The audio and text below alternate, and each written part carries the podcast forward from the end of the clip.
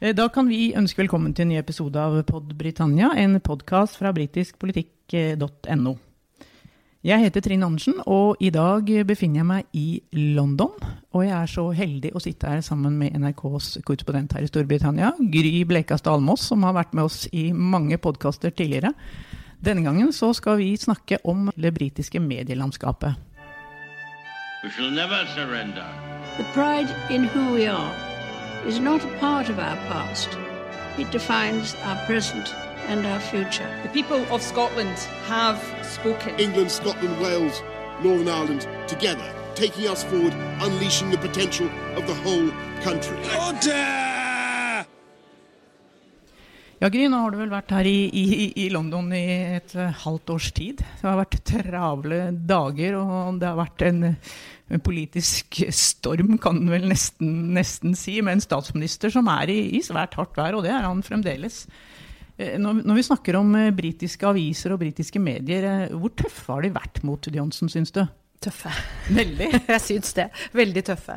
Og også de konservative avisene.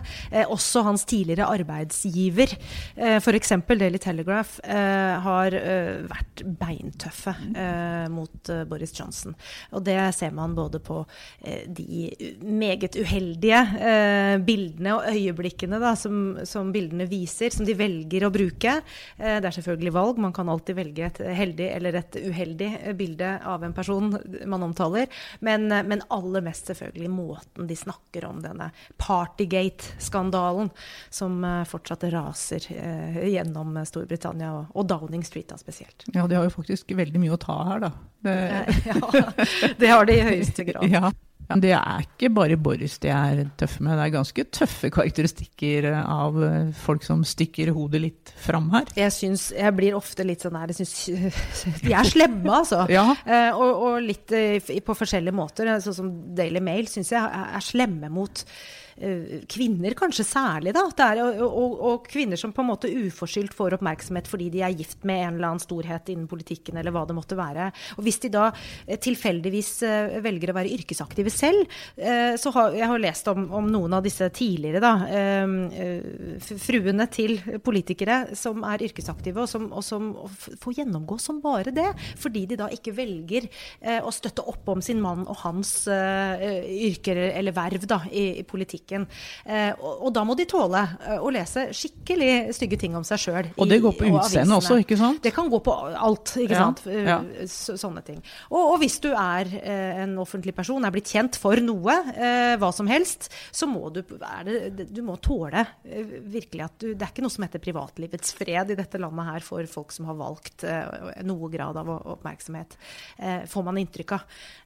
Det er ikke kanskje paparazzier som det var på Dianas tid, men man får følelsen at det er noen av dem fortsatt likevel, og i hvert fall at det skrives på en måte som gjør at jeg kan tenke meg mange føler seg forfulgt av pressen fortsatt. Ja, og, og parlamentsmedlemmene får jo også sitt. Blant annet så har jo Times en daglig spalte, nærmest, hvor, eh, hvor det harseleres over hva de sier, og hvordan de sier det, og hvordan de opptrer. og Ja. Det er tøffe tak Ja, å man må, fra man må tåle å bli tatt for det meste, for å si det sånn. Men jeg synes jo, altså når du snakker om harselas, jeg syns jo også at eh, britiske aviser er utrolig flinke på å lage humor, og humoristiske eh, kommentarer, om du vil, da.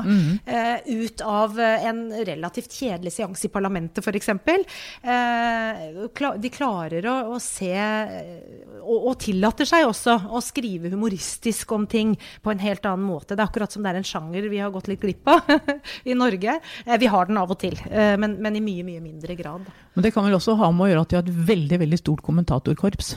Ja. Så det er ikke bare én og to kommentatorer i hver avis, det er jo hele bilag nærmest med kommentarer. Ja. Og de har uh, faste kommentatorer uh, som får boltre seg med, i sine faste spalter ukentlig, eller, uh, eller hvor ofte det nå er. Og så har de innleide kommentatorer også. Ja. Ja, Ideen til eh, denne podkasten kommer fra en lytter som eh, gjerne vil ha hjelp til å, å navigere i eh, dette britiske avismarkedet. Når vi ser i avishyllene her, så, så er det jo mange aviser å, å velge mellom. Og her sitter vi med et utvalg av dagens aviser, Gry. Vi kan kanskje begynne med å spørre deg, hvilke aviser starter du dagen med? Skal vi se hva du har med her, da. Uh, av de som ligger foran oss her nå, så er jo Daily Telegraph, som jeg akkurat nevnte, den leser jeg hver dag. The Times leser jeg eh, i hver dag. Jeg skal ikke si jeg leser den fra perm til perm. The Sun er mer sånn som jeg uh, går inn på av og til, den digitale varianten, og, og kjøper hvis det er spesielle saker. Uh, Daily Mirror ofte.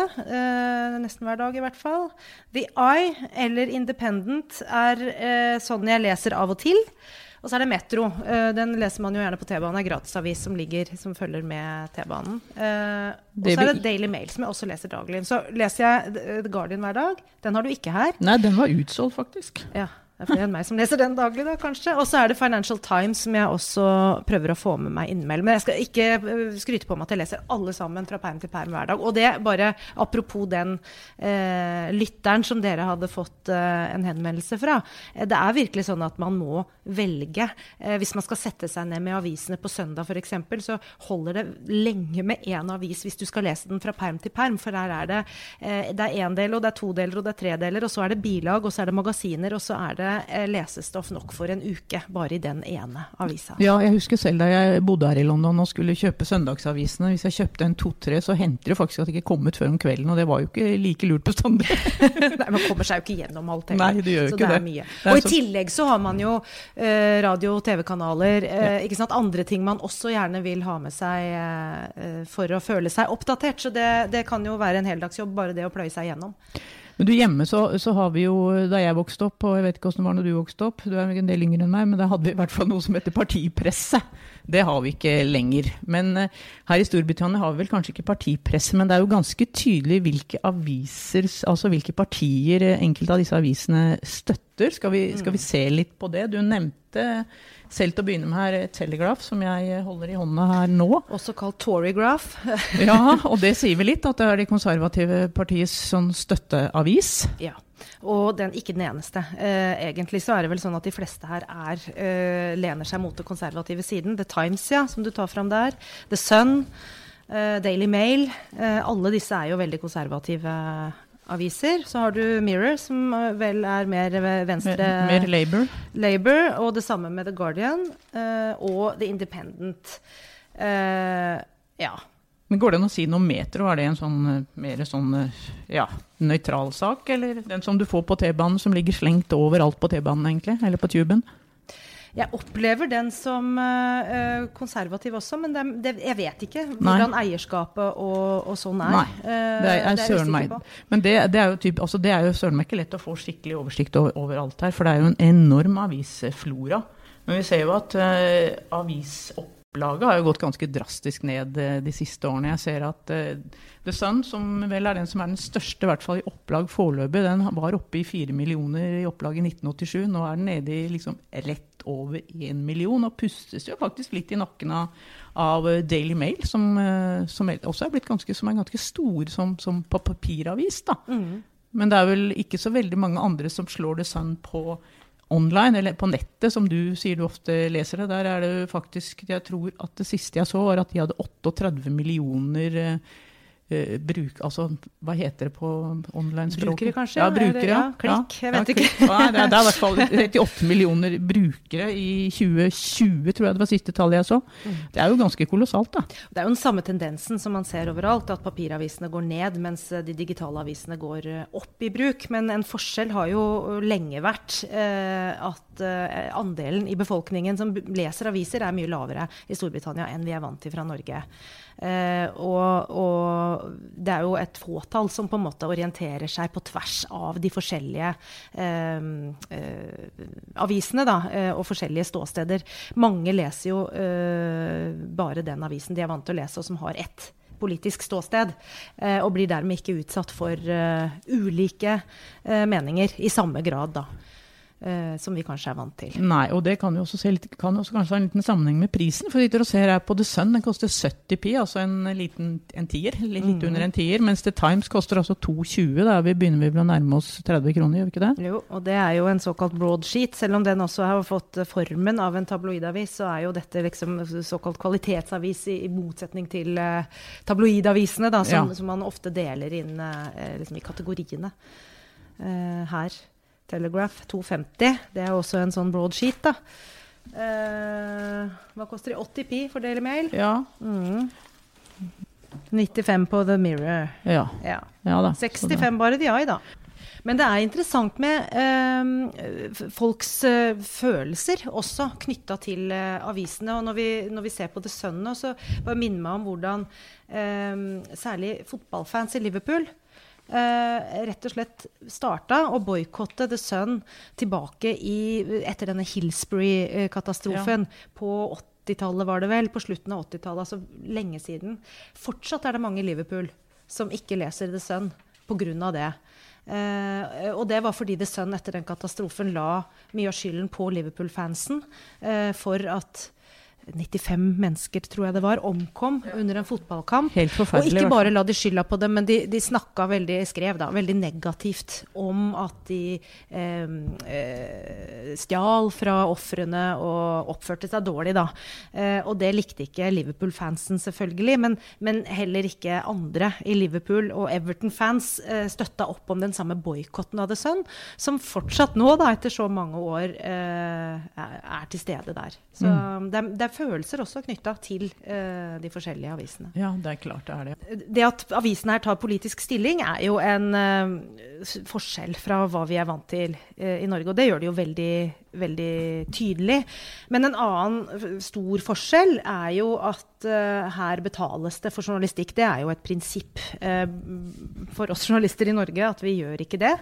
Uh, fordi man er redd for at folk da snakker med en motivasjon som ikke er den riktige, og, og forteller om ting med feil grunnlag. Men her er jo det veldig vanlig, at man betaler, og at man til dels betaler ganske mye penger. Veldig mye, vil jeg si. Ja.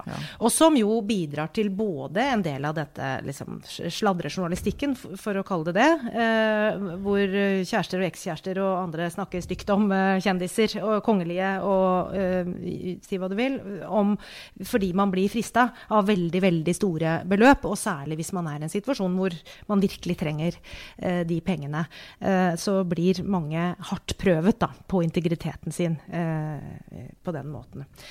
Som gjør at kanskje en del av journalistikken at det er verdt å stille spørsmål ved hvor eh, holdbar den er, rett og slett. da. Hvordan klarer du på, en måte å sile ut hva du skal melde hjem om? Hva, altså, hvordan kvalitetssikrer du det? For det er vel aviser du slett ikke kan stole på? Ja, eh, det er det. Eh, Og det er klart hvis jeg leser interessante ting i de avisene som jeg har lært meg å være skeptiske til, så eh, Jeg prøver jo alltid å dobbeltsjekke uansett, men da tar jeg kanskje en ekstrarunde på det.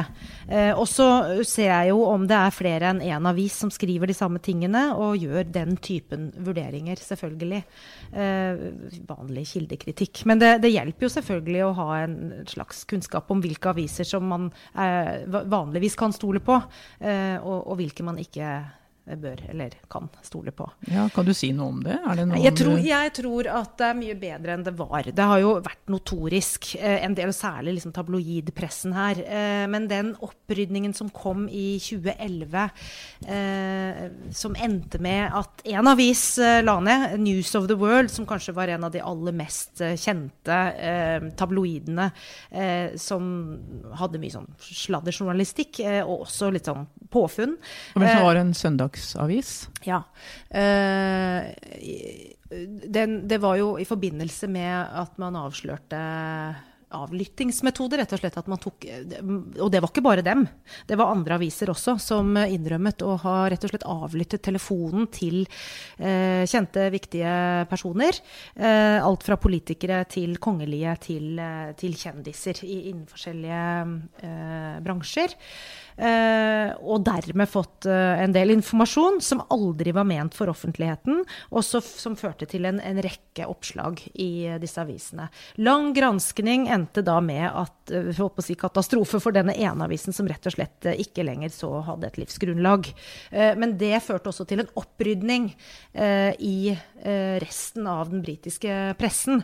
Og så er det helt sikkert ikke alt som er på stell ennå, men det har nok blitt en større bevissthet rundt det. eh, I hvert fall enn det var tidligere.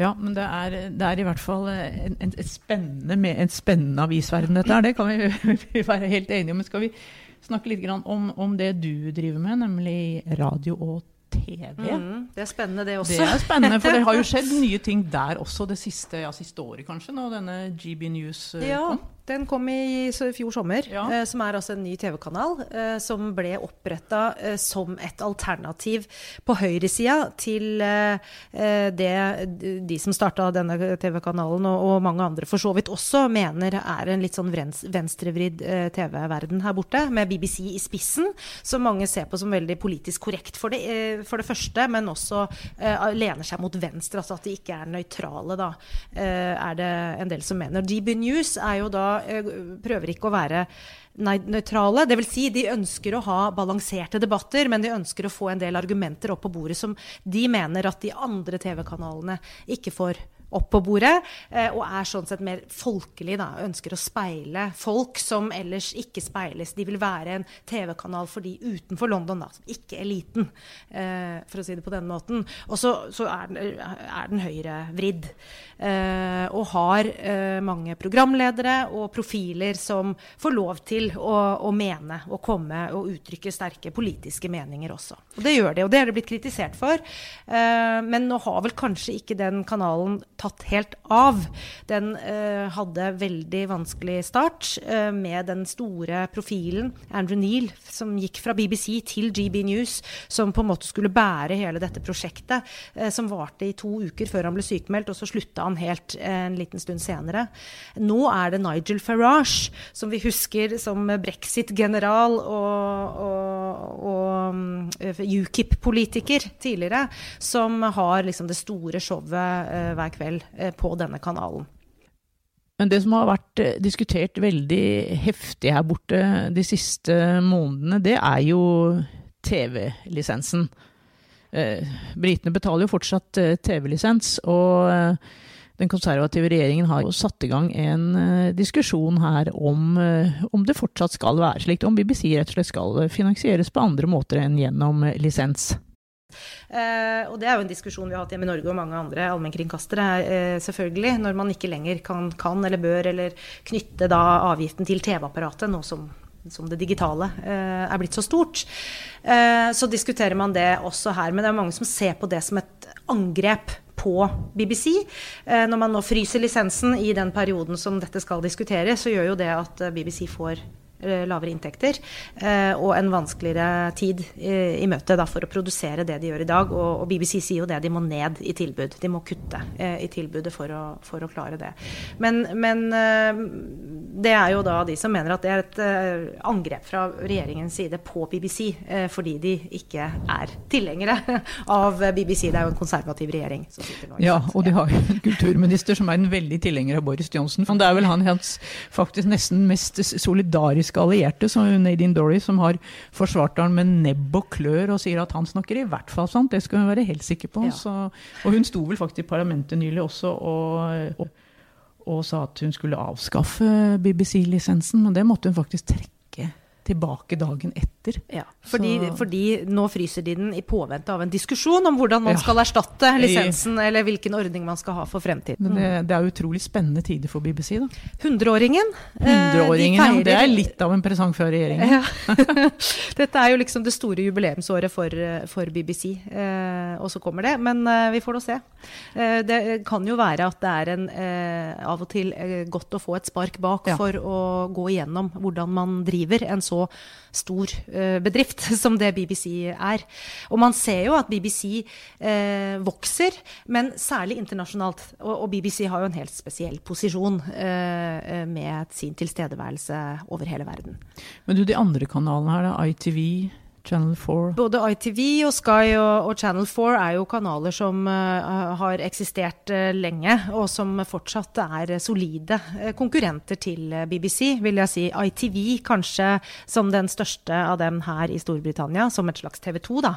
Uh, og som leverer gode nyheter og gode drama, og, og den typen Driver med den samme type virksomhet egentlig som eh, BBC på TV, eh, og har også god tilstedeværelse digitalt, eh, men har jo ikke da radiobiten. Ikke? Det er en litt annen struktur på det. Men det jeg er litt fascinert av, det er jo disse søndagsprogrammene både på BBC og Sky hvor eh, den ene statsråden etter den andre tropper opp. Altså Andrew Marr, den tidligere politiske redaktøren i BBC, han har jo da i 14 år hatt et søndagsprogram som i veldig stor grad har satt dagsorden for det som skal skje politisk, på det politiske livet i Storbritannia i uka som kommer. Nå ga han seg ved nyttår.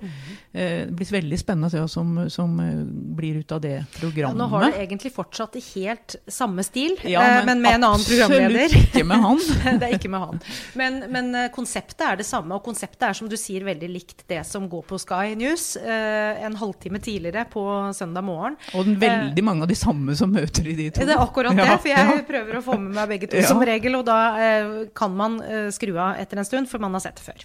Eh, så eh, det, er de samme folka som, som går fra studio til studio. Eh, men det er fint, da får man i hvert fall med seg enten her eller der. Ja, og det er jo litt fascinerende, for det er noe vi absolutt ikke har i Norge. Et, typisk, altså Søndager har vi på en måte litt politisk fri, men det har de ikke her. Nei, men her har de til gjengjeld fri hele helgen. Eh, Det er ikke ordinære nyheter i det hele tatt lørdag og søndag. Mens på TV snakker jeg om da. Da, da mm, kommer nyhetssendingene hulter til bulter tidsmessig. Ikke noe faste tider, og gjerne mye tidligere på kvelden. Ikke primetime. Eh, mens søndag morgen er en primetime her, og den setter jo dagsorden for eh, ikke bare søndagen, men ofte langt inn i mandagen. Altså uka som følger det som kommer på disse morgenprogrammene på, på søndag. Men helgen for øvrig er nesten nyhetsdød. Eh, mens i Norge er jo det store avisdager, og også store dager for Ja, nyhetssendinger sånn på TV. Sånn TV. Lørdagsrevyen og Søndagsrevyen, som da du, du leverer reportasjer til. Korrekt. Ja. Mm. Så det er forskjell der òg. Jeg vet ikke hvorfor. Om eh, helgevanene til nordmenn og briter er så ulike. Eh, så det, det har jeg ingen forklaring på, men det er en eh, forskjell der. Ja. Gry, da blir det vel ikke så, ikke så veldig mye helgefri på deg, da, rett og slett. Du må bare tidlig opp på, på søndagen og få med deg det som skjer både på Sky og BBC og de politiske programmene der, da, for å vite hvordan uka, uka som kommer kan bli, i hvert fall. Ja, jeg må nok det, men så er jeg også såpass yrkesskadd at jeg kobler jo av med sånt òg, jeg, da. Og Gry, da må jeg bare få lov å si tusen takk for at du igjen har stilt opp i Pod Britannia. Og vil dere høre tidligere episoder, så ligger de alle sammen, altså over 100 episoder, ute både på Spotify og iTunes. Og det er også mulig å klikke seg inn via en link som eh, ligger ganske høyt oppe på nettstedet vårt, britiskpolitikk.no. We shall never surrender.